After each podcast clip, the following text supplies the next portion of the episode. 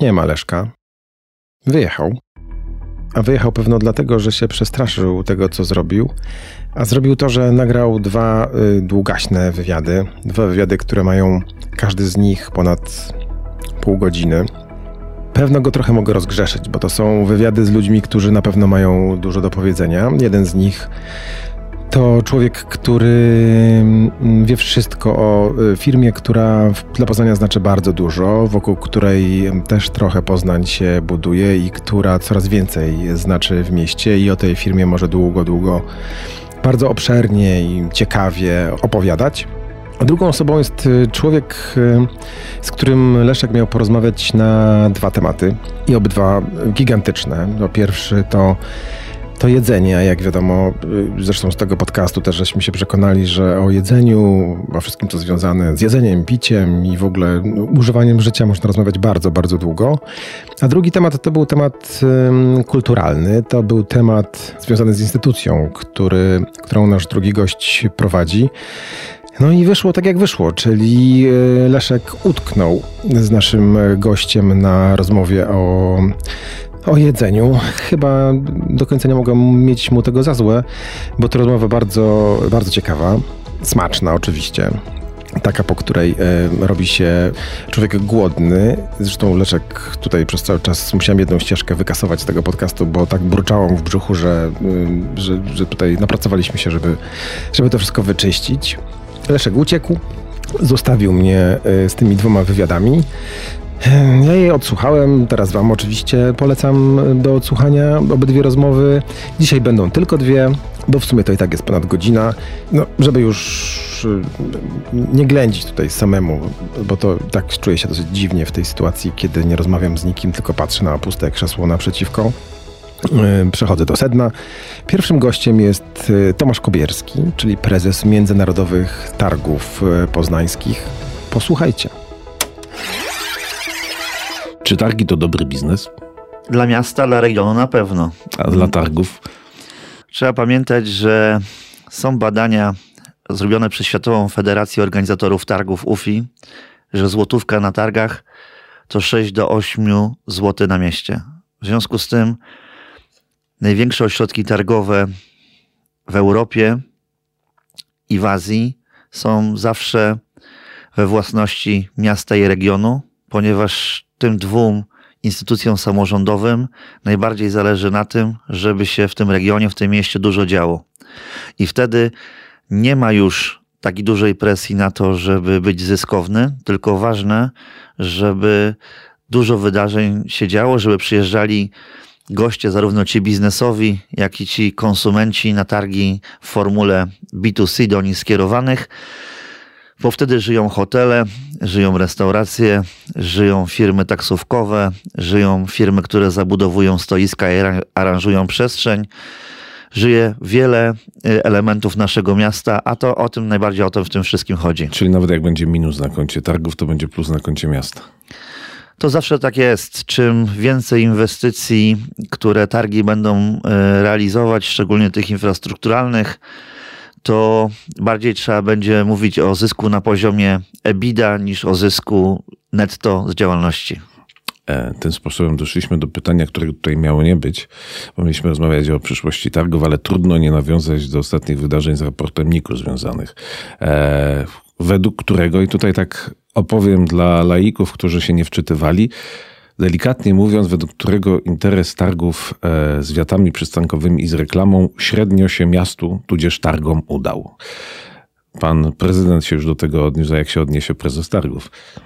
Ja myślę, że miarą jak gdyby sukcesu tego wydarzenia jest również liczba krytyków, ponieważ nie ma takiego miasta w Polsce, gdzie w przeciągu trzech lat wymieniono większość wiat, wiat które będą teraz nowoczesne i służyły mieszkańcom Poznania przez najbliższe 40 lat, bo to wiaty, które zbudowane są głównie z aluminium i szkła. Y, to wiaty, które y, są ekologiczne, bo na części z nich zamontowaliśmy zielone dachy. To wiaty, które w tych miejscach, które potrzeba, bo są w okolicach zieleni, chronią y, ptaki. To, to wiaty, które są dzisiaj najbardziej nowoczesne w Polsce. To oprócz 460 wiat nowych, remont 120, ponad 120 wiat, które stały na terenie miasta Poznania i zostały przestawione w miejsca tam, gdzie oczekiwali tego mieszkańcy, na osiedlach peryferyjnych, które bez takiego nakładu y, by się po prostu nie powstały. Jeżeli weźmiemy obraz y, miasta Poznania sprzed czterech lat, gdzie mieliśmy 27 systemów wiatowych różnego, różnej jakości, rozpadające się, brzydko wyglądające, niechroniące mieszkańców przed deszczem, niechroniące y, y, ptaków przed ewentualnymi zdarzeniami. W związku z tym ten skok jakościowy jest bardzo dobry. A gdyby się dokładnie wczytać w ten NIK, to NIK oceniał działalność targów w zakresie wiat pozytywnie, jeśli chodzi o zarządzanie, a model finansowy, który zbudowaliśmy, to model, który za, zapewnia nam stabilną możliwość dalszych inwestycji i rozwią- y, y, y, powiększania ilości wiat, wiat, które będą potrzebne, jak nasze miasto będzie rosło. A jeszcze jeden dobry wątek, szanowni państwo, my nigdy jako firma ze względu na koszty nie mieliśmy dostępu do reklam na wiatach. A, A dzisiaj macie. dzięki tego mamy i w związku z tym, jeżeli powiemy sobie, że targi edukacji jeszcze kilka lat temu odwiedzało 40 tysięcy osób, a w tym roku 71 tysięcy.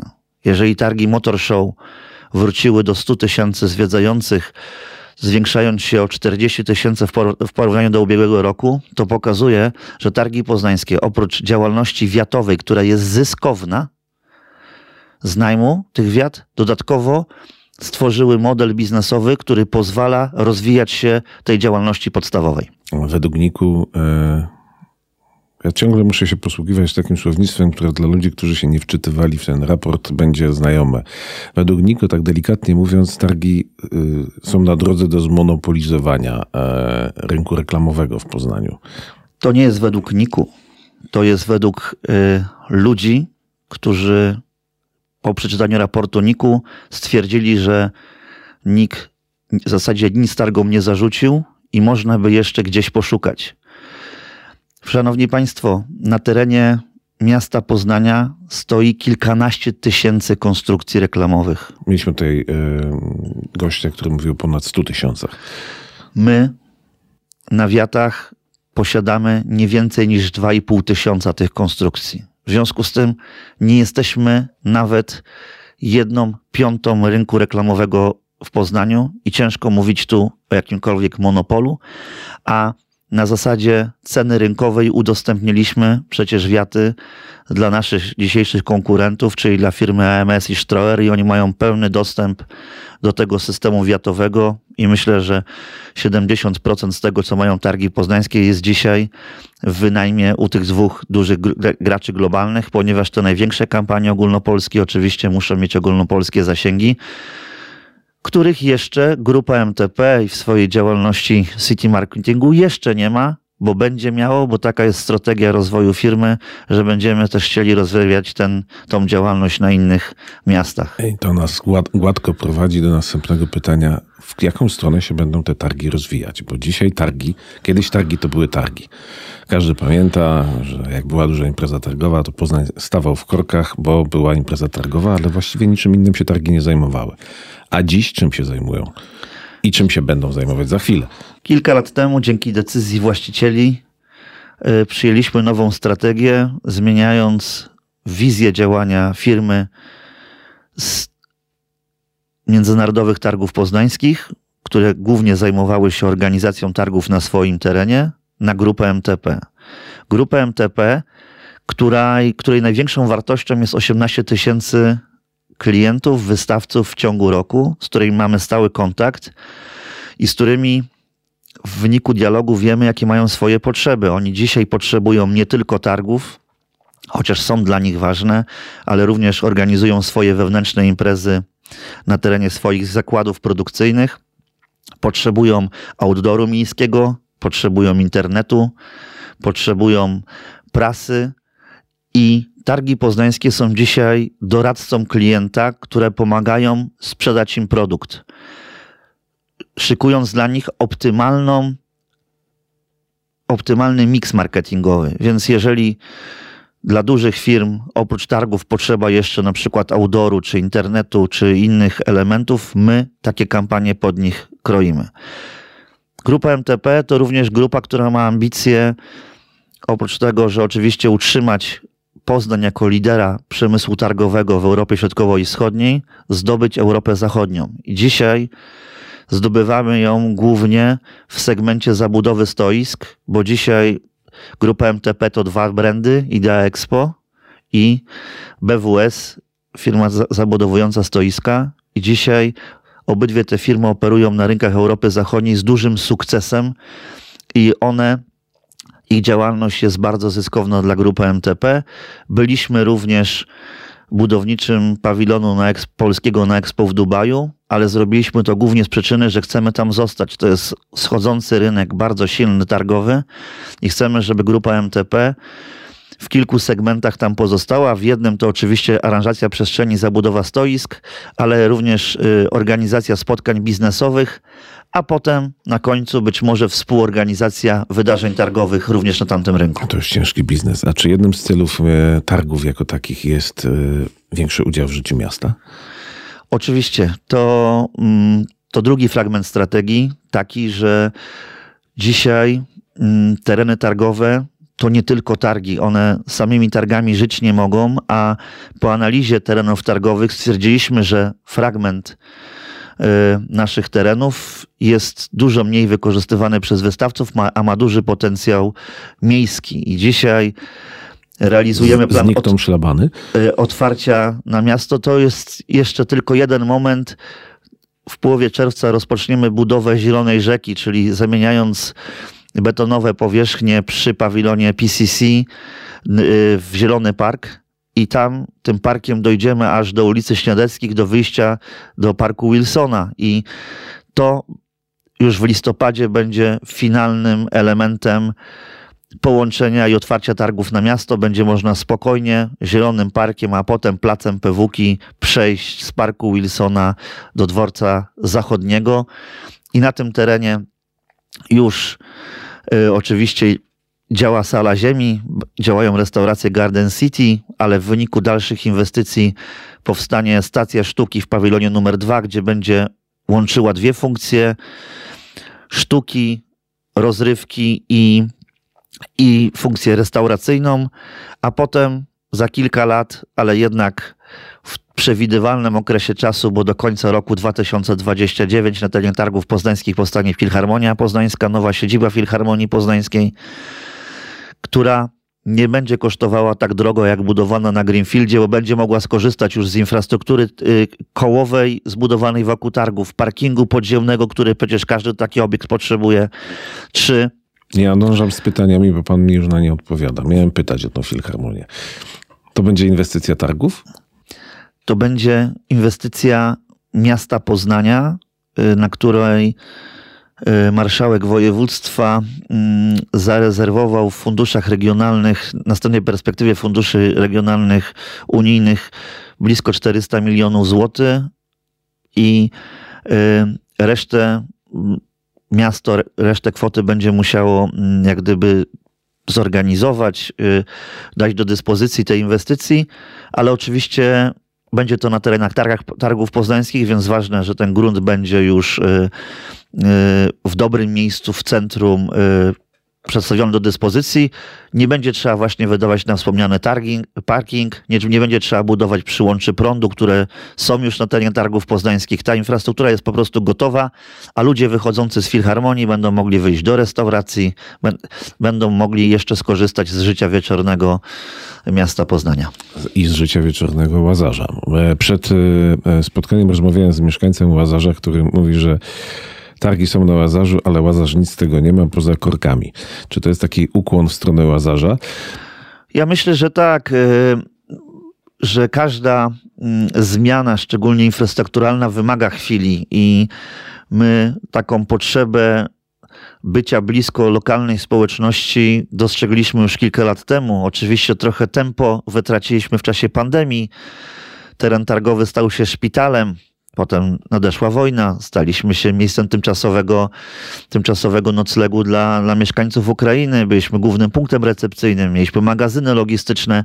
To wyhamowywało ten proces, ale proszę pamiętać, że zaczęliśmy już dobrze, bo od takiej inicjatywy Lato na Targach i dla mieszkańców Łazarza i wszystkich Poznania zawsze wakacje organizujemy cykl bezpłatnych wydarzeń, tak żeby oni mogli przyjść i z tych targów skorzystać.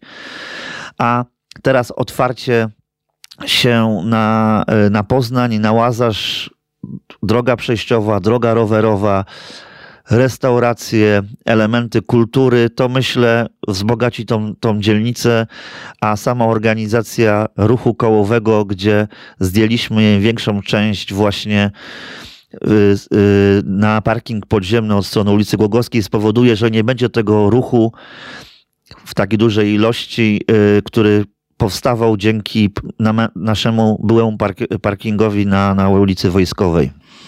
To teraz jeszcze jeden element e, Łazarza, za który się targi e, no, mają od dłuższego czasu wziąć, ale jeszcze się nie wzięły. Arena. Kiedy się możemy spodziewać, że tam się coś wydarzy albo zacznie dziać? No myślę, że y, znowu dużo więcej pracy wymagają formalności, a ta budowa już będzie względnie trwała szybko. My podchodziliśmy już raz do przetargu na budowę areny, lecz kwota zaoferowana przez generalnych wykonawców była za wysoka w stosunku do naszych możliwości budżetowych na ówczesny czas. I taniej nie będzie. Taniej nie będzie, ale my jesteśmy teraz y, przygotowani na, na możliwość zetapowania ewentualnego tego wydarzenia, bo proszę pamiętać, że ta cała przebudowa to nie jest tylko arena, to jest fragment dzielnicy, to jest parking podziemny, który przecież bez niego pamiętamy tę historię o, o, o rozjeżdżaniu parku. To, to restauracje, to nowy plac pomiędzy City Parkiem a areną, którym będzie parkiem, placem z dużą ilością zieleni, gdzie z, zadbamy o, o fajną retencję, która z areny, która da możliwość potem nawadniania nie tylko terenów przy arenie, ale również samego parku, który będzie z tyłu areny y, zlokalizowany. Te, jeżeli kwota przekroczy nasze możliwości y, budżetowe, to zatrzymamy jeden z elementów, ale proszę się nie martwić, to nie będzie ani arena, ani, ani, ani ten plac przed parkingiem, to, to będzie ta część restauracyjna tego projektu, która najwyżej będzie za kilka lat, ale obiekt sam będzie mógł funkcjonować. Wczoraj byłem pod areną. To kiedy nie będę mógł pójść pod arenę, bo będzie już placem budowy? Wydaje się, że w drugiej połowie roku ta część będzie po prostu placem budowy, ale będziemy ale trzymać ją... pana za słowo? Bo to, Proszę to trzymać, no, yy, oczywiście, że, że była to jedyne, co może zatrzymać tą budowę, to znowu niewyobrażalny budżet, który przekroczy nasze możliwości. To jak długo potrwa remont areny? Bo wspomina pan, pan o etapowaniu, a to już od razu e, zapala czerwoną lampkę, że ten remont może się ciągnąć i ciągnąć i ciągnąć i ciągnąć. Całkowity remont areny potrwa 33 miesiące, ale będzie on zetapowany, bo w pierwszym etapie oddamy parking podziemny przed tą areną z placem, i z tymi funkcjami zielonymi. Przed, czyli z której strony? Przed, czyli od City Parku, bo my zajmujemy, y, program inwestycyjny jest od areny w kierunku y, City Parku. Cała część pozostała parku nie jest objęta tą inwestycją i ona będzie dostępna cały czas dla mieszkańców. Więc na początku oddajemy parking podziemny i plac przed areną. W drugim etapie budowy oddajemy część restauracyjną, administracyjną areny a w trzecim, tym ostatnim, po 33 miesiącach, jeżeli nie trafimy na żadne niespodzianki archeologiczne, całą arenę już z pełną jej funkcjonalnością. Okej, okay, no to zostawiamy arenę, a wrócimy do, e, do planów zamierzchłych. Był kiedyś taki plan, żeby targi się wyniosły za miasto. To teraz dwa pytania. Dlaczego się nie wyniosły? Eee, i czy jeszcze kiedykolwiek taki plan e, w ogóle e, będzie miał rację bytu? Myślę, że na szczęście się nie wyniosły, ponieważ wszystkie tereny targowe, które. Ale ziemię kupiliście. Na modle lat 80. i początku 90. wyniosły się poza miasto, takimi targami są czy targi w Hanowerze, czy targi w Monachium, czy kilka innych projektów, to one straciły swój charakter miastotwórczy, bo dobre skomunikowanie autostradą, w naszym przypadku na Żernikach też by miało takie e, tak to miejsce, spowodowałoby, że ludzie by po targach nie wracali do Poznania, tylko spaliby w Koninie, spaliby w innych miejscowościach albo wracali bardzo szybko do swoich domów. I to jest jak gdyby jedna, jeden element gry. Drugie, że targi w formule tej konsumenckiej B2C, takiej jak nasza kawaliada, taka jak nasze Motor Show, takie jak nasze Poznań Game Arena i wiele, wiele innych, nie mają sensu w ośrodkach pozamiejskich, ponieważ kluczem jest to, żeby mieszkańcy mogli dojechać tramwajami, autobusami, a dalej kluczem jest również to, żeby zwiedzający z zagranicy mogli przyjechać koleją. Tam, na tych żernikach, dworzec kolejowy nigdy by nie, nie powstał. Ciężko się skomunikować komunikacją miejską. W związku z tym ten ośrodek byłby tylko ośrodkiem y, biznes, y, targów biznesowych i to jeszcze nie wszystkim pasowałoby ta lokalizacja, bo takie targi jak medyczne, modowe, czy targi y, powiedzmy sobie beauty i targi dla fryzjerów, one się w ogóle nie sprawdzają w lokalizacjach poza miastem. I również żadne koncerty jak na sali ziemi, to też by nie miało jak gdyby miejsca. I no tak, do Żernik to by była wyprawa. A ludzie, nawet jeżeli by chcieli y, przyjechać po targach do Poznania, zakorkowaliby dokładnie zjazd Poznań-Krzesiny, Poznań-Luboń, to, to by byłyby dwie drogi, które prowadzą do centrum i wtedy byłby niekończący się korek między 17 a 20.30, bo nie ma tego, rozgwiazd, y, y, te, tego tej rozgwiazdy odjazdów z terenów targowych. To by był na pewno wielki błąd, ale to, że kupiliśmy jako targi poznańskich w ówczesnym czasie ten grunt, to jest wielka szansa, bo my dzisiaj te grunty przeznaczamy na kilka rzeczy. Po pierwsze, będziemy, miałem o to pytać. będziemy budować farmę fotowoltaiczną. Czyli nie sprzedajecie tych gruntów? Część z nich sprzedamy, ale na części budujemy farmę fotowoltaiczną tak, żeby w roku 2030 Targi Poznańskie swoją działalnością kongresową, kulturalną, eventową i targową były z, z Zero Net Carbon Events, czyli targi, które nie, nie zostawiają śladu węglowego po sobie. I jeden z głównych elementów jest wybudowanie tej farmy fotowoltaicznej i mam nadzieję, że dwa, za dwa, maksymalnie za trzy lata taka farma będzie już zasilała całe tereny targów poznańskich, a do tej pory uporamy się również z gospodarką śmieciową i wprowadzimy taką instytucję zielonego metra i zielonego biletu. Zielonego to będą y, takie produkty, które będą w swojej jak zawartości oferowały kompensaty, offsety środowiskowe za ślad węglowy, które powodują przyjazd zwiedzającego lub przyjazd y, y, y, wystawcy na targi. W związku z tym za kilka lat rzeczywiście ślad węglowy grupy MTP zlokalizowanej w Poznaniu, zlokalizowanej zarówno na targach poznańskich, jak i, jak i arena będzie zerowy dla, czyli będziemy dla środowiska nieszkodliwi, a na drugą nogę oczywiście sprzedajemy, bo sprzedaż tych gruntów pozwala nam się rozwijać. Na arenę starczy.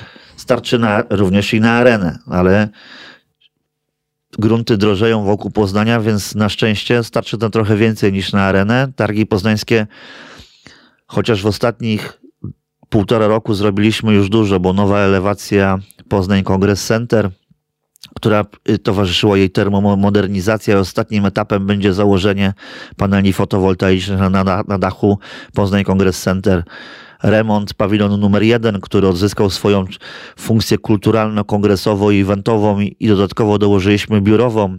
Remont pawilonu numer 11 poznańskiej iglicy, który w środku już y, była podany kompletnej, kompletnemu remontowi. To również kilka innych drobnych inwestycji, jak chociażby Port Sołacz, dawna restauracja Meridian, przywrócona mieszkańcom Poznania, to wszystko to Ja muszę panu przerwać. jest bo możliwe dzięki również sprzedaży tych dział, dzia- działek na Żernik. strasznie dużo tych biznesów ma, e, ma MTP. To jeszcze przejdźmy do kolejnego, bo jeszcze biznes medialny e, się rozwija wokół MTP. Macie chociaż przez spółkę, tak? Portal, gazeta, na co to targą? Szanowny panie redaktorze, y, trzeba powiedzieć sobie tak, że elementem sukcesu naszego terenu targowego, naszego venue jest również sukces wydarzeń, które się tutaj odbywają. I przecież targi poznańskie to nie tylko nasze własne produkty. Mamy tutaj za chwilę odbywający się Impact, największą konferencję fintechową w tej części Europy, jedną z dziesięciu największych na świecie. Mamy konferencje me- medyczne, mamy y, wiele innych produktów, mamy występy na sali ziemi. O tym wszystkim ludzie muszą się skutecznie dowiedzieć. W związku z tym budujemy taki miks marketingowy w postaci outdooru, portalu, portali czy, czy gazet, który po, po, pozwoli też skutecznie mieszkańcom naszego regionu dowiedzieć się o tych wydarzeniach, bo chociaż wszyscy myślą, że na tym jest jakiś duży biznes, te marże w tej, w, te, w tej naszej działalności nie są takie duże i ta roztropność kosztowa jest bardzo, bardzo istotna. Ja chciałem powiedzieć, że Targi Poznańskie to nie tylko portal w Poznaniu.pl czy związana z nim gazeta, ale to również Sukces po Poznańsku, magazyn lifestyle'owy, ale to również sześć wydarzeń, sześć gazet branżowych w różnych segmentach rynku, jak chociażby skierowane do rynku y, hodowców koni, y, Horse Business Magazine, związane oczywiście z naszym projektem Kawaliadą. To magazyn Wszystko Działa, związane z targami instalacje. To magazyn Omega, skierowany do branży pogrzebowej, związany z naszym z naszymi y, y, projektem targów funeralnych. To, ta, y, to biznes, y, to, to gazeta związana z biznesem ogrodniczym, która jest związana z naszymi targami Gardenia. I tak, proszę Państwa, będziemy mieć coraz więcej tego więcej? wydawnictw, ponieważ na świecie można pójść tylko dwoma drogami. Albo być dobrym wydawnictwem, a potem zacząć organizować targi, albo organizować targi i zacząć być dobrym wydawnictwem. Wydawnictwa mają łatwiej, bo jak się skończą ich wydarzenia, to mają też łamy, żeby o tym napisać i żeby ten produkt po czterech dniach mógł żyć jeszcze następne kilka miesięcy. My zaczęliśmy w odwrotną drogą, Ale chyba wydarzeń wam nie brakuje. E, ale chcielibyśmy robić je dla mieszkańców Poznania jeszcze lepiej, żeby były jeszcze większe i żeby odgrywały jeszcze większą rolę na świecie. E, Cieszy nas to, że lotnisko Ławica rozbudowuje siatkę połączeń. W związku z tym my dzisiaj z centrum targowego dla Polski, dla Europy Środkowej i Wschodniej będziemy mieć coraz większe ambicje, chociażby taki Dubaj, które te połączenie pozwoli na takie targi czy Polagra, czy Budma, czy targi Meble Polska sprowadzać kontrahentów z tamtej części świata. I, i robię już cięcie. Robię Bo cięcie. to, I to pozwoli nam robić targi globalne, bo nie wiem, czy Państwo wiedzą, że targi meble to dzisiaj drugie największe targi w Europie, czwarte największe na świecie, a możemy być numerem jeden. W pewnym momencie zrobiło się tak, że imprezy targowe w Poznaniu y, przestały się odbywać tak jak wcześniej i tak bardzo w sposób widoczny dla poznaniaków. E, e, tak jak pan mówi, one są największe na świecie, natomiast e, już nie miałem takiego wpływu na miasto tak widocznego jak kiedyś. Kiedyś się, no, chociażby tak jak mówiłem, miasto się e, korkowało z powodu targów, dziś już tak się rzadko dzieje. Ale, i to jest przez niektórych zarzut, używany jako zarzut, a przez niektórych jako pochwała. Mówi się o, dzisiaj o targach tak, że zawłaszczają miasto, że opanowują je w coraz e, większej liczbie miejsc i przestrzeni, e, co zresztą pan przed chwilą pokazał. E, I to jest teraz pytanie, czy tak w rzeczywistości jest, czy taki jest plan, czy, państwo, czy pan się z tym zgadza? Musimy chyba wyjść od definicji, że targi poznańskie należą do mieszkańców. W związku z tym nie można targów poznańskich traktować jako komercyjnego. Bo są spółką miejską. Spółką miejską. 98% to miasto Poznań, 2% to Urząd Marszałkowski Województwa Wielkopolskiego. I zmieniło się to no, już parę lat temu ładnych. Od, od dwóch lat mamy e, mniejszościowego udziałowca, co zresztą jest bardzo dobre, bo w targach w Niemczech ten region zawsze w granicach 40% takich instytucji posiada.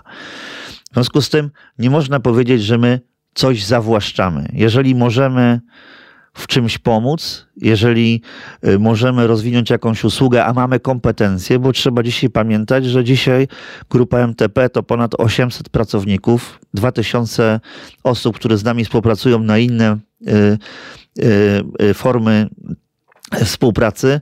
Jesteśmy dzisiaj holdingiem działalności eventowej i Mam nadzieję, że kiedyś y, przez to, że Poznań będzie miał dobrą, dobre targi poznańskie z częścią kulturalną, przepiękną halę arena z częścią kulturalną, wyremontowany hipodrom Wola, super stadion, forty, to ale to słowo targi też się za forty biorą.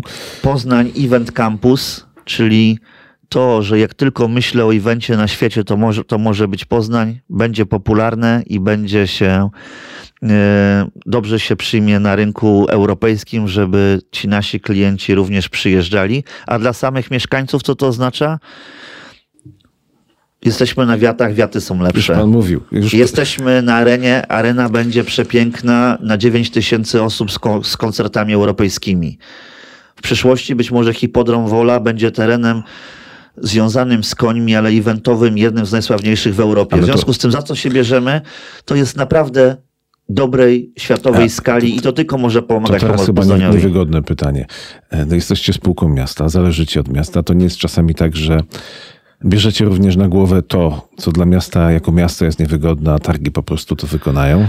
No Ale... bo, czy arena jest dobry, na przy, przykład arena, tak? czy arena jest dobrym interesem dla, dla targów, po prostu wzięliście i wykonujecie? Y, myślę, że panie redaktorze, nigdy nie było takiej sytuacji, że zarząd targów poznańskich był poddany presji właściciela, jeśli chodzi, że musi coś zrobić. Y, tą naszą partnerską dyskus dyskusję traktuje jednak w odmienny sposób, że jeżeli miasto ma jakieś aktywo, które targi poznańskie mają pomysł, jak je wykorzystać, to jako dobry właściciel te aktywa nam po prostu uzupełnia. To jest naturalne, każdy właściciel dba o swoją własność. Ale właściciel ma najwięcej do powiedzenia Ale chyba, tak? To dobrze, że ma, y, bo właściciel dba też o interesy mieszkańców. Trzeba pamiętać, że prezydent jest wybrany przez mieszkańców, ma jakąś wizję i dobrze, że ją realizuje. A nie boi się pan, że jeżeli czy kiedy zmieni się prezydent, to może się i zmienić.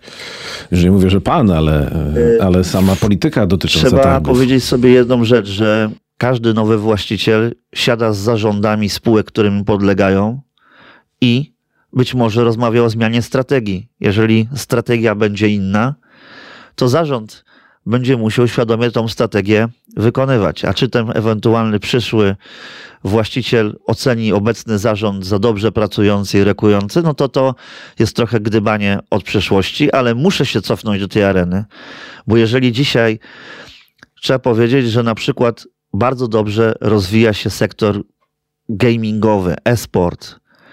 Y, I, I on będzie przyszłością, za chwilę będzie sportem olimpijskim. I arena budowana jest tak, żeby mogła być również główną areną e-sportu w game Polsce. Game Arena w końcu. Y, jest Game Arena oczywiście, w związku z tym my tak przygotowujemy ten obiekt, że on da nam przewagę konkurencyjną. Y, jeżeli spojrzy pan na największe dzisiaj spółki targowo-eventowe na świecie, które są GL Events z Francji, które to jest Reed Exhibition z Wielkiej Brytanii, czy spółki zarządzane przez fundusz Blackstone, one wszystko, wszyscy mają miks venue, ale nie tylko targowych, ale też hal widowiskowo-sportowych. Nawet stadion rugby jest w posiadaniu jednej z takich, z takich spółek. To im daje po prostu przewagę konkurencyjną nad innymi, bo można realizować strategię swoich klientów w każdym obszarze, a przecież to o to chodzi, że jeżeli posiada się aktywa, to żeby one były obracane cały czas i do tego dążymy, aczkolwiek Jesteśmy w sercu Poznania i dla Poznań jest dla targów najważniejszy i wszystkie nasze działania pracowników instytucji jest skierowane do tego, żeby tą jakość w mieście i atrakcje zapewnić na najwyższym poziomie. To na koniec, bo już czas nam dawno się skończył. Czy pan żyje targami chyba cały czas? W tym roku tak się zdarzy, że 28 czerwca tego roku będę tu pracował 25 lat. Zacząłem od referenta do spraw akwizycji, więc pozwolono mi wysyłać faksy, a potem przez specjalista do spraw organizacji targów, dyrektora projektu, dyrektora grupy projektów, wiceprezesa i prezesa. To pozwoliło mi a stoisko targowe umie pan skręcić? Pewno, że y, umiem zrobić. E, to pozwoliło, że ja po prostu tą firmę rozumiem, a to, że jesteśmy dużą instytucją, pozwala mi też zasiadać we władzach największych organizacji branżowych na świecie i stamtąd do Poznania przywozimy te wszystkie nowości, nowinki i możecie być Państwo pewni, że to, co się dzieje na targach, dzieje się również na świecie i nic lepszego nie ma. I na tym zakończymy rozmowę. Moim Państwa gościem był Tomasz Kobierski, szef, prezes Międzynarodowych Targów Poznańskich. Dziękuję bardzo. Dziękuję bardzo.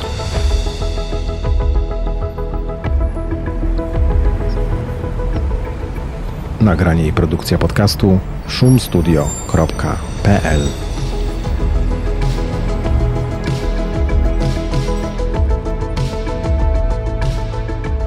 Tym drugim gościem, z którym e, nie udało się porozmawiać e, o teatrze, albo właściwie udało się porozmawiać, ale tylko przez krótką chwilę, jest Maciej Nowak, dyrektor artystyczny Poznańskiego Teatru Polskiego, z którym mamy półgodzinną rozmowę na temat jedzenia. Zapraszam. Co pan ostatnio pysznego w Poznaniu zjadł? W Poznaniu właściwie regularnie wspaniałe, pyszne rzeczy jem w mojej ulubionej knajpie Massimiliano Ferre, która jest pod mieszkaniem moim poznańskim. Bo blisko? Bo blisko, bo jestem leniwy, ale też tam y, bardzo sobie cenię takie połączenie y, tradycyjnej gastronomii z jednej strony i pozostałości po, po niegdysiejszym domu Golonki, który y, tam się mieścił, z włoskim sznytem e, i tak jakoś e, lubię ten, ten taki tradycyjny styl, który e, proponują. Do tego wspaniała, wspaniały serwis. Ładnie tam pachnie. No, to jest oddzielny problem w ogóle poznańskiej gastronomii. Naprawdę uważam, uważam, że to jest problem. Te lokale w większości w ogóle nie dbają o wentylację. Co może jest związane z tym, że ogromna większość restauracji funkcjonuje w starych budynkach, gdzie instalacja nowoczesnych urządzeń y, wentylacyjnych jest ogromnym kosztem. Ale może specjalnie chcą, żeby zapachy tak pozostawały, unosiły się. To nie jest moja, moja największa pasja y, i tutaj naprawdę po wizycie w restauracji, a przed udaniem się do teatru, idę do domu się przebrać. Ostatnia rzecz, o której człowiek marzy, to pachnieć jedzeniem, chociaż nie zawsze to jest jedzenie. No to jest poważny problem, i, i, ale też rozumiem, że to może przekraczać y, możliwości finansowe, bo sprawna wentylacja to są ogromne, ogromne koszty. To wracamy do smaku w takim razie. To co tam cie, ciekawego, smacznego pan zjadł? No, tam wszystko. Do, wszystko, znaczy dom golonki, no proszę pana tam y, golonka z wody peklowana. To jest moja, to jest moja tam ukochana potrawa. Absolutnie wspaniałe, delikatne. Y, I nawet przekonałem do tej potrawy kilka osób, które zarzekały się, że golonka w ogóle nie wchodzi w grę, że to jest coś przerażającego. No ale właśnie tak słucham. Pan, wybitny krytyk kulinarny, człowiek, który jadł wszystkie możliwe dania, mówi z uznaniem o tak prostym, przyziemnym daniu jak golonka? Ale wie pan, ja myślę, że chyba, chyba o to chodzi, żeby wracać do takich i doceniać te najbardziej elementarne e, smaki. A te akrobacje kulinarne, to wszystko bardzo się zmienia. To raz jest moda na takiego fiflaka, innym razem na innego, ale wracamy do tych fundamentów jedna z moich y, przyjaciółek, wybitnych intelektualistek kulinarnych, mówi o tym, że dzisiaj nadszedł czas po prostu na dobrą bułkę z, ze świeżym masłem i wspaniałą szynką. I żeby każdy z tych składników był najwyższej jakości, pozbawiony chemii, żeby był pełen naturalnego smaku i coś tak elementarnego, co pamiętamy pewnie z dzieciństwa, co kojarzy się z kuchnią naszych rodziców, dziadków, e, jest czymś, za czym najbardziej tęsknimy. Czyli mózg ma znaczenie przy jedzeniu. Absolutnie. No, no bo tak naprawdę uruchamiamy w trakcie jedzenia rozmaite skojarzenia, wspomnienia. Y, to jest jakiś taki również intelektualny spektakl, intelektualno-sensualny y, mm, jedzenie. I to mnie, to, to mnie w ogóle kręci w gadaniu i w pisaniu o jedzeniu, że mm, i, i tym chyba różni się to, co ja robię od, od gotowania, czy od zajmowania się stricte technologią. Mnie kręci cała opowieść wokół jedzenia, ale także i rodzaj jakiejś, hmm, może za wielkie słowa, ale filozofii e, e, związanej z funkcjonowaniem nas pośród e, produktów. Interesuje mnie, dlaczego akurat interesujemy się konkretnymi ingrediencjami, dlaczego, z czym nam to się kojarzy. Czyli nie przychodzi pan do restauracji, tylko usiąść i zjeść. Oczywiście, że tak bardzo często burczy mi w brzuchu i jestem spragniony. Ja, ja chcę jeść i się nie wstydzę tego. To w ogóle, to w ogóle uważam, że jest jeden z poważnych problemów, ponieważ dzisiaj em, strasznie y, wstydliwą sprawą jest y, zbyt duża masa. Y, wręcz mówimy o fatofobii przecież. Witam w klubie. I, i zresztą, zresztą ja, z tym, ja żyję prawie 60 lat już na świecie. Ja od zawsze byłem e, chłopcem dużym. Zawsze słyszałem, Maciuś nie dostanie dokładki, bo jest za gruby. Ale kiedy to była pyszna ta dokładka? Przede wszystkim, znaczy, ja w ogóle właśnie jak wyprowadziłem się z domu rodzinnego i, i mama lekarka przestała kontrolować, przestała czasem mnie odchudzać, bo zawsze byłem za gruby, no to wtedy najbardziej y, przytyłem, bo znalazłem satysfakcję w tym, żeby sobie dokładkę wziąć, albo drugi deser. W ogóle obiad się powinien od dokładki zaczynać. No, ale w ogóle, proszę pana, moim zdaniem powinny być dwa albo trzy obiady, bo po co, po co jeden? Idę do restauracji zjeść coś pysznego, ale obok jest kolejna restauracja, gdzie jest jeszcze coś pyszniejszego, Aż, więc dlaczego sobie ograniczać? Ja się zastanowiłem, czy ktoś kiedyś pana w fast foodzie widział w ogóle... Zdarzyło mi się kiedyś z moim chłopakiem, yy, jechaliśmy samochodem i on był uzależniony, jest pewnie do dzisiaj uzależniony od, od tych drive-thru yy, McDonald'sa. No i podjechaliśmy tam i, i, i zgodziłem się tylko na to, że to jest właśnie takie drive-thru, że nikt mnie tam raczej nie zobaczy, ale jeszcze zakryłem się kurtką. I eksperymentalnie poprosiłem o jakąś y, kanapkę, ale to naprawdę, tego się naprawdę nie da jeść. To znaczy, to się, to się mnóstwo ludzi to je i ja to... Żyję. I żyję i, i rozumiem, że to jest porządnej jakości, że to nie truje. Natomiast jeżeli ktoś jadł prawdziwe pieczywo, y, to tego gąbczastego, gumowego, które tam podają, do ust raczej y, nie weźmie. Jeżeli ktoś jadł porządnego burgera, z porządnej wołowiny, dobrze y, usmażonego, ani nie przesuszonego, ani nie y, zbyt krwistego, no to nie zje tego, co tam dają. Ja kiedyś napisałem felietonik jeszcze, ale to było bardzo Jak dawno będzie temu. dalej mówił o jedzeniu, to naprawdę się głodny poczuje. Ale proszę, a, a proszę. może coś proszę. zamówimy?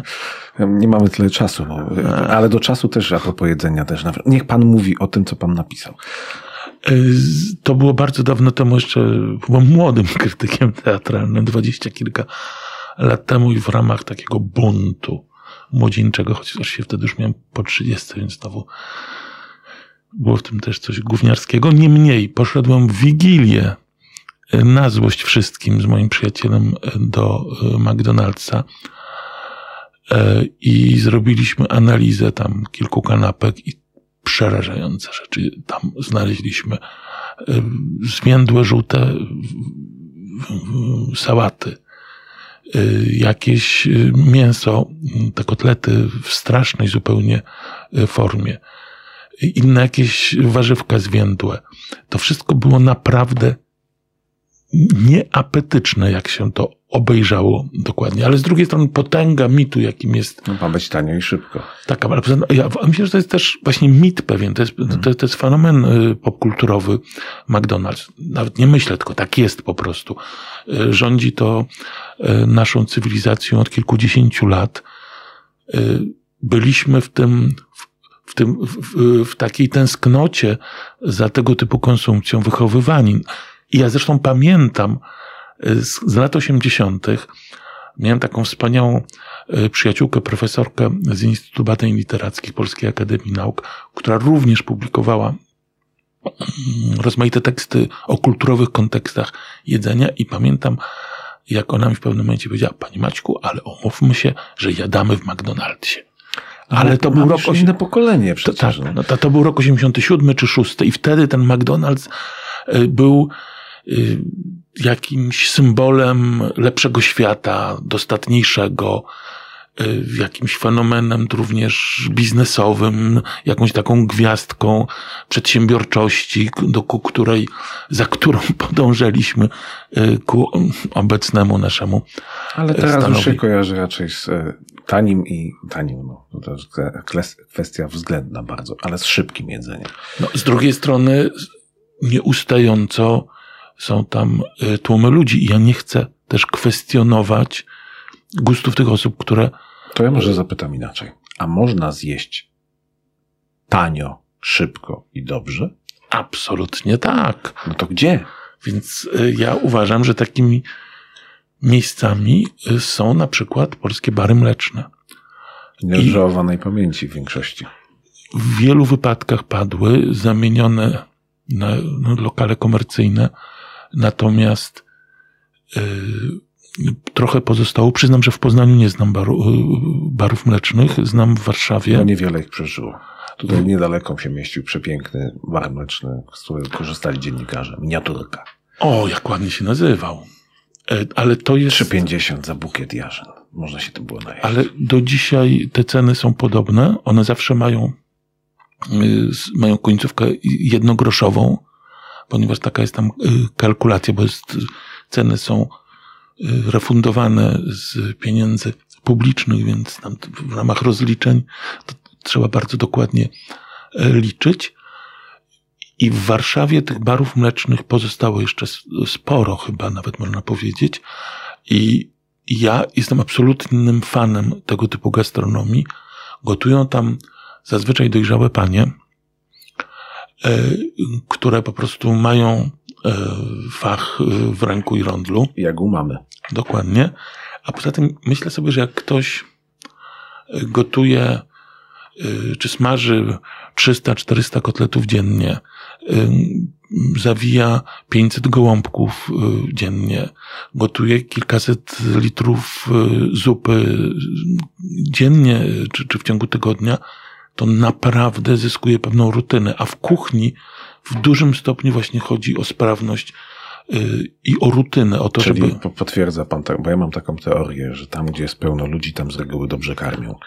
Absolutnie się z tym zgadzam. Też to jest bardzo ważny wyznacznik, a może fundamentalny w ogóle. Jeżeli nie znam jakiegoś lokalu, to raczej nie wejdę do, nie wejdę do tego pustego, natomiast tam, gdzie jest wielu klientów, a gdy jeszcze stoi kolejka, bo to się w ogóle zdarzy, stało teraz no właśnie, kolejki. fenomenem kolejki przed restauracjami. Pamiętam e, w latach dziewięćdziesiątych widziałem pierwszy raz w życiu kolejki do mm, restauracji w Helsinkach. I to było dla mnie dziwne. Potem bo kolejki się oczywiście kojarzyły ze stylem e, życia e, okresu PRL-u. W Poznaniu też można stać w kolejce. A dzisiaj znów jesteśmy właśnie, a, a, a to się teraz pojawiło tutaj i, i to z jednej strony dla, nasz, dla mojego pokolenia, bo pan jest młodszy, ale dla mojego pokolenia to, to, to może być sygnał y, taki odstręczający, bo kojarzący się z PRL-em, z okresem niedostatku, ale z, dla młodszych ludzi to jest sygnał, że jakieś fascynujące rzeczy muszą być w tym lokalu, skoro ludzie chcą czekać. I teraz w tej mojej przygodzie mm, recenzenckiej nowej w, w Gazecie Wyborczej w Warszawie bardzo często zmuszam mojego kolegę, fotoreportera, który zawsze ze mną chodzi, do tego, żebyśmy stali w kolejce i żeby również rejestrować to, co się dzieje w tej kolejce. On nie jest zachwycony, on jest młodym człowiekiem. A właśnie, jak pan wybiera te lokale? Czy kolejka decyduje, czy jeszcze coś? Czy plotka, czy... No, ja zresztą nie będę podpowiadał, to niech pan powie. Znaczy, plotki są istotne. Zresztą mój profesor Zbigniew Raszewski, największy polski historyk teatru, zawsze mówił, że rola plotki w teatrze jest fundamentalna i kto tego nie rozumie, ten nie rozumie teatru. Przekładam to na gastronomię, drugą moją dziedzinę.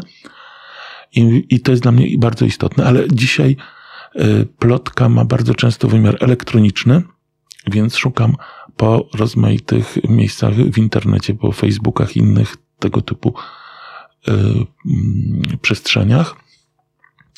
I to jest w tej chwili główny, główne moje y, źródło informacji. Przeglądam komentarze i to jest y, sposób, y, to jest sposób na ogarnięcie tej ogromnej, ogromnej przestrzeni.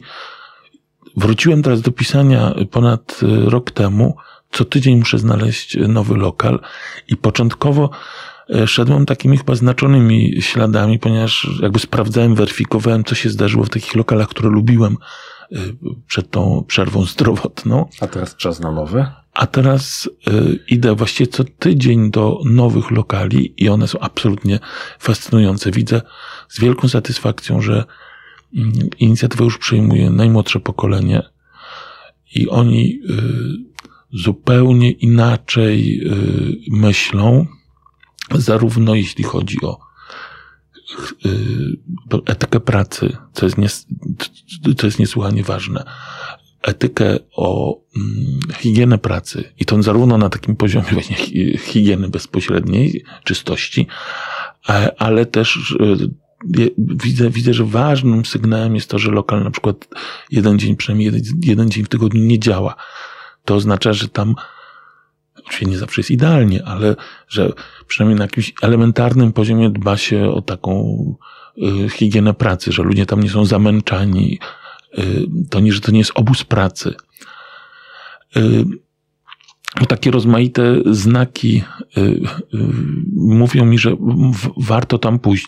Y, ta nowa gastronomia też odwołuje się do nowych produktów. Bardzo często właśnie do, e, jest tam zróżnicowane menu, zarówno bezmięsne, e, jak i z etycznym mięsem. To znaczy takim, które powstaje, jest hodowane w sposób niepowodujący cierpienia zwierząt. Tak, weganie by zaprotestowali, ale rozumiem, że mówimy o laboratoryjnym. Tak, to ale o smakach to moglibyśmy długo. E, ale ja muszę wrócić do Poznania, bo panu w Warszawie. Hmm. Kolega tutaj podsunął przed, e, przed naszą rozmową e, jedno pytanie, o które już kiedyś pana pytał, więc zadam je. A czym się poznańska kuchnia, czym się poznańskie restauracje różnią od warszawskich? Czy w ogóle od innych? Ja myślę. Mamy jakiś znak charakterystyczny? To znaczy, ja, tak jak opowiadam mm, znajomym w Warszawie i w innych miastach o specyfice poznańskiej gastronomii, to często podkreślam to, że mam takie nieustające takie wrażenie, że tutaj bardzo wiele konceptów e, kulinarnych jest inspirowanych e, przez lokale berlińskie.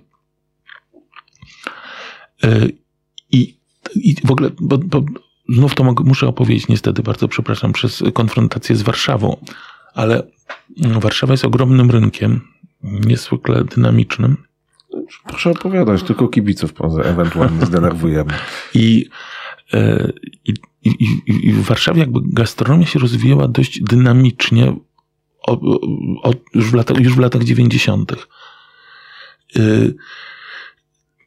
W innych miastach, Trójmiasto znam w miarę dobrze, Kraków, bywało rozmaicie. Warszawa była bardzo dynamiczna, ale w momencie, gdy staliśmy się y, staliśmy członkiem Unii Europejskiej, kiedy młode pokolenie y, pojechało mm, szukać doświadczeń zawodowych w wielkich stolicach Europy, e, tam zapoznało się z rozmaitymi nowymi stylami gotowania, z nowymi produktami, z nowymi przepisami, z nowymi standardami pracy w ogóle w gastronomii.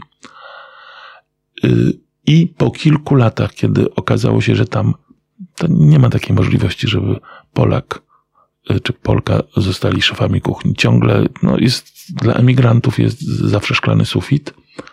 I w większości wypadków ci ludzie wrócili do Polski, również po to, żeby zakładać tu rodziny, żeby opiekować się rodzicami, no, żeby tutaj normalnie żyć. I oni, ale oni przywieźli stamtąd szereg tych zachodnich formatów y, kulinarnych. I na przykład y, taką specyfiką, myślę, y, poznańskiej gastronomii jest, są wspaniałe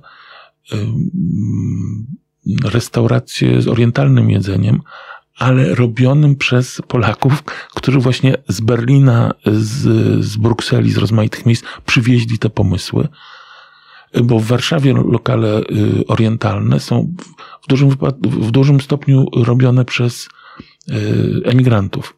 A tutaj znam takie, y, gdzie to właśnie Polacy po doświadczeniach zachodnich. Bliskość Berlina sprawia, że można korzystać z hurtowni tamtejszych i jest w związku z tym dostęp do oryginalnych produktów. Także też oczywiście baza lokalowa tu jest, ma swoją specyfikę. Miasto w tej swojej strukturze jest z przełomu XIX i XX wieku. W związku z tym nie ma takich ogromnych przestrzeni. Jest dużo lokali w jakichś byłych mieszkaniach, czy, czy, czy w jakichś sklepach, więc one są takie nieduże w tej strukturze, w tej starej strukturze budowlanej. No, ta, takie widzę. Poza tym oczywiście, to, to muszę to powiedzieć. Nie wykasuję. Potęga, potęga y, poznańskiego cukiernictwa. To jest, y, to naprawdę się odróżnia. Ale nie mówimy tylko o rogalu? Nie, ja myślę, że generalnie tutaj są mm, w, w tych cukierniach y, są wspaniałe mm, wypieki i te, zarówno te mm, jakieś drożdżowe ciasta francuskie, te bardziej tradycyjne, jak i y, poszukiwania nowych form. Tutaj się na słodkie chodzi. Chodzisz. I, i, I, to jest, ja również chodzę, pan chyba też chodzi na słodkie. No widać przecież. I jest tego tradycja, jest to święta, y, święta sprawa. Poza tym, ja nie wiem jak jest u was, ale ja to zauważyłem Y, na wybrzeżu, gdzie wcześniej mieszkałem, y, pracowałem, że tam słodkie jest, się podaje często przed obiadem. To prawda, podaje się. Zwłaszcza na imprezach rodzinnych to się, to się zdarza. Ale po również, prawda? Żeby nie było nic za mało. Nie, naprawdę nic nie stoi na przeszkodzie. Mówi pan o tej kuchni, która do Polski została często sprowadzona. A jest coś takiego w polskiej kuchni, już nie mówię tylko o poznańskiej, którą fajnie by było wyeksportować, co by kupił świat. O. No jest cała masa takich. Y, my, my w ogóle ma, jesteśmy spiżarnią Europy tak naprawdę w tej no chwili. No tak, ale mówi się o kuchni francuskiej, yy, śmaki, owaki, a polską restaurację na zachodzie da się spotkać, owszem, ale nie jest to pięciogwiazdkowa. Ale myśmy strasznie mało zrobili, żeby polskie, polska gastronomia miała swoją godność i, było, i, do, i żeby do niej odnoszono się z respektem. Nie chodzi o demonstrowanie szabli i innych groźnych y, narzędzi. No to załóżmy, że y, rząd polski ogłasza Polska kulinarna, e, idziemy w świat, tak. Instytut tak. Polskiej Myśli Kulinarnej, Coś o, Maciej Nowak dyrektorem. O takim instytucie marzę i o tym już kilka takich projektów napisałem, więc pan trafił. Mam ze sobą doświadczenie stworzenia Instytutu Teatralnego. To nie wiem, czy pan może to teraz zdradzać, bo ktoś inny to zrobi. Ale ja myślę, znaczy ja już jestem wiekowym człowiekiem, więc E, jeżeli ktoś z młodych ludzi to podchwyci, to będzie wspaniale i będę to wspierać. E, Uważam, co na sztandarach powinno być w takim razie? Powinniśmy w takim instytucie przepracować, znaczy wypracować pewne standardy nowoczesnej polskiej kuchni, korzystającej z polskich tradycji. I, I to są bardzo proste, fundamentalne rzeczy, jak na przykład polskie białe śniadanie. To jest rzecz wyjątkowa y, w, y, w, w skali Europy. Y, polski, w ramach tego białego śniadania, polski twaróg. Nigdzie w Europie nie ma takiego produktu jak polski twaróg. To, że mamy szczęście, w każdym sklepie na rogu, na dole, na, nawet w tych okropnych sieciówkow, sieciówkowych sklepach jest normalny biały twaróg. To jest coś niezwykłego, wyjątkowego, co nas odróżnia od innych e, krajów Europy. Powinniśmy e, o to zadbać. Polskie owoce miękkie, polskie truskawki, jagody, maliny, polskie pieczywo, absolutnie fenomenalne. Polskie wędliny, robione w sposób tradycyjny. I, i takich. A polskie danie jakieś? No, znaczy moje ulubione polskie danie to mielone. ale, ale podobnych, po, podobnych jest bardzo wiele. Ale na przykład niewątpliwie wszystkich zawsze zachwyca, zachwycają gołąbki.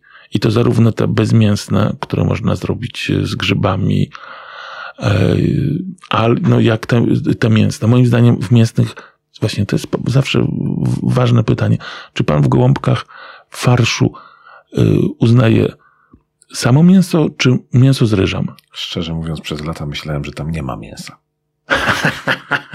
Pięknie. Ja uważam, że powinno być mięso z ryżem i o, o to walczę. E, nienawidzę sosu pomidorowego, natomiast tylko taki zwykły z, z duszenia e, tych gołąbków jest moim y, ulubionym. Ale oprócz tego pierogi polskie.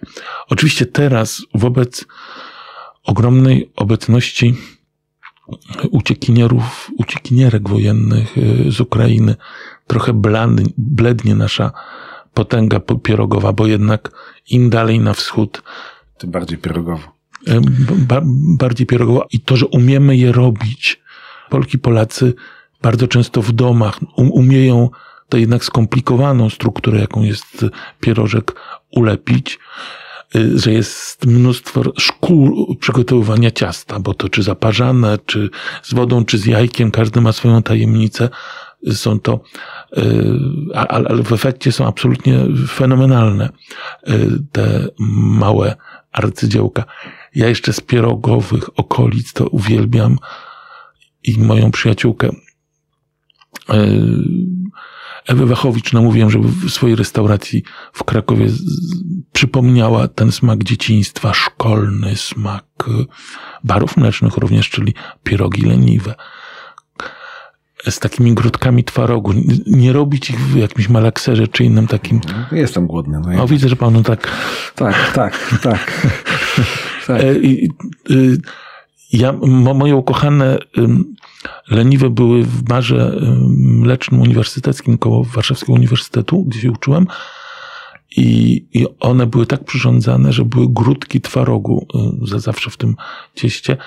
I moje w czasie studiów tam fundamentalne i stałe zamówienie było poproszę półtorej porcji leniwych bez cukru. Dobra, to ja robię cięcie. Powiem tak. E, proszę Państwa, wydarzyła się rzecz straszna. E, wydarzyła się rzecz taka, że e, zaprosiliśmy Macieja Nowaka, dyrektora artystycznego, dobrze mówię, Teatru Polskiego w Poznaniu i nie wymieniliśmy właściwie żadnego słowa o sztukach tegoż teatru.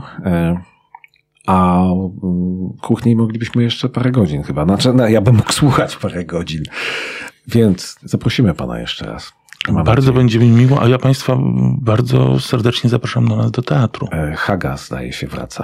Haga gramy, czyli spektakl o e, rosyjskich elitach pod wodzą e, prezydenta Putina, o tej zbrodniczej agresji wobec Ukrainy, ale też przygotowujemy kolejne przedstawienia w próbach.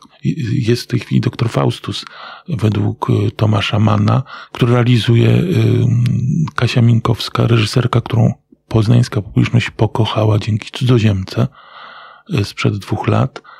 Dużo się wydarzyło w czasie pana pobytu w Poznaniu w sztuce.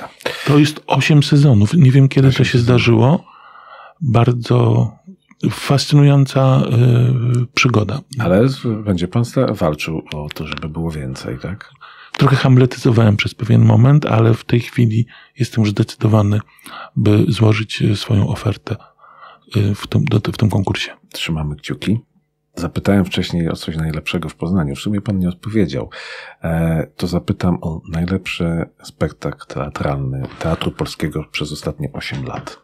Oj, to nie, to, to, to, to już wolę odpowiedzieć na to pytanie, e, co najsmaczniejszego. Ja to powiem najdziwniejszego i z, y, o czymś, czego stałem się fanem. To znaczy brzdąca, proszę pana. To jest y, ciastko, y, które mnie absolutnie zachwyciło. Fascynujące jest to, że brzdące są nieznane poza Poznaniem. I w każdym domu inne. Tak, i miałem takie, połączyłem dzięki brzdącom moje dwa życia teatralne i gastronomiczne. Y, dziekanką Wydziału Reżyserii y, Krakowskiej Szkoły Teatralnej jest pochodząca y, pani profesor z Poznania i pojechałem do niej przy okazji ostatniego festiwalu Boska Komedia, gdzie pokazywaliśmy nasze przedstawienia. Zawiozłem jej całe pudło pełne poznańskich brzdący i była absolutnie wzruszona. No po prostu się rozpłakała. Ach, a i musimy kończyć. To ja Państwu na koniec życzę smacznego. Dziękuję Panu za rozmowę. Dziękuję i zapraszam do teatru. Moim gościem był Maciej Nowak, dyrektor artystyczny Teatru Polskiego i wielki fan kuchni. Dziękuję bardzo. Dziękuję.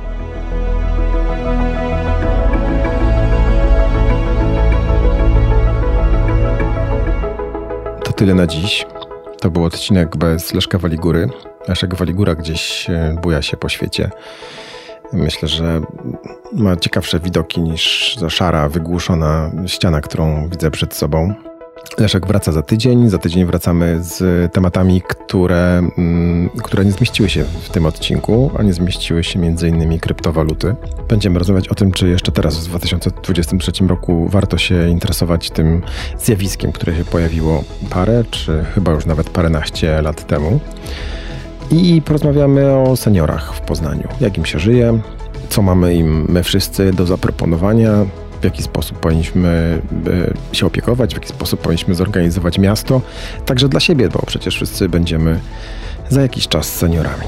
Dziękuję Wam bardzo za uwagę. To był jedenasty już odcinek podcastu poznańskiego, druga wersja. Do usłyszenia za tydzień.